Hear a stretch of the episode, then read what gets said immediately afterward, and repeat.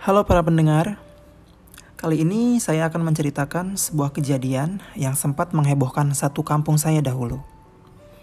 Tepatnya di tahun 2003 di sebuah kabupaten di Jawa Barat.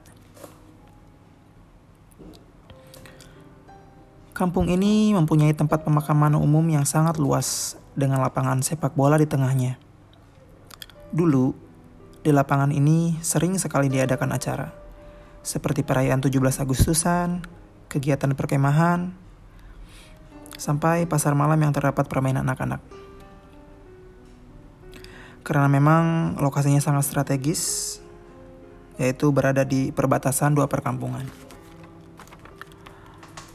Pada suatu malam, di lapangan tersebut diadakan kembali pasar malam, yang di dalamnya banyak terdapat permainan anak-anak seperti ombak banyu, biang lala, komedi putar, dan beberapa wahana ketangkasan.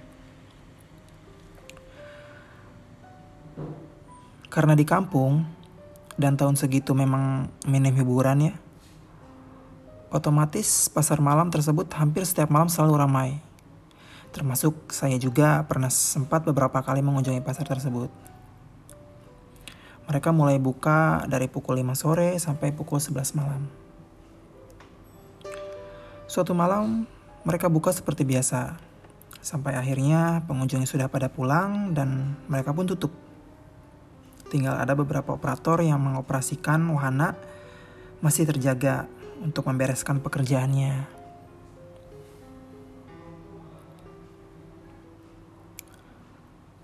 Jam menunjukkan pukul satu malam.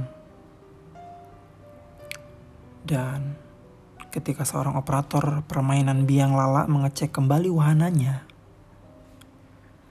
Seketika dia terheran ketika melihat gondola biang lala yang paling atas. Di situ dia melihat seorang wanita memakai sanggul, mengenakan kebaya merah, dan menggunakan kain jarik ya sedang memainkan tangannya turun naik dan melenggak-lenggokkan kepalanya seperti sedang menari. Operator tersebut sontak kaget, bercampur takut. Siapa wanita itu? Tapi dia sadar, tidak mungkin itu manusia.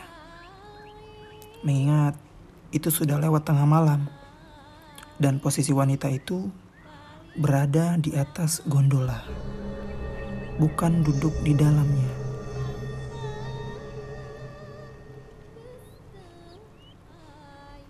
Dan keesokan harinya, pasar malam itu bergegas bubar.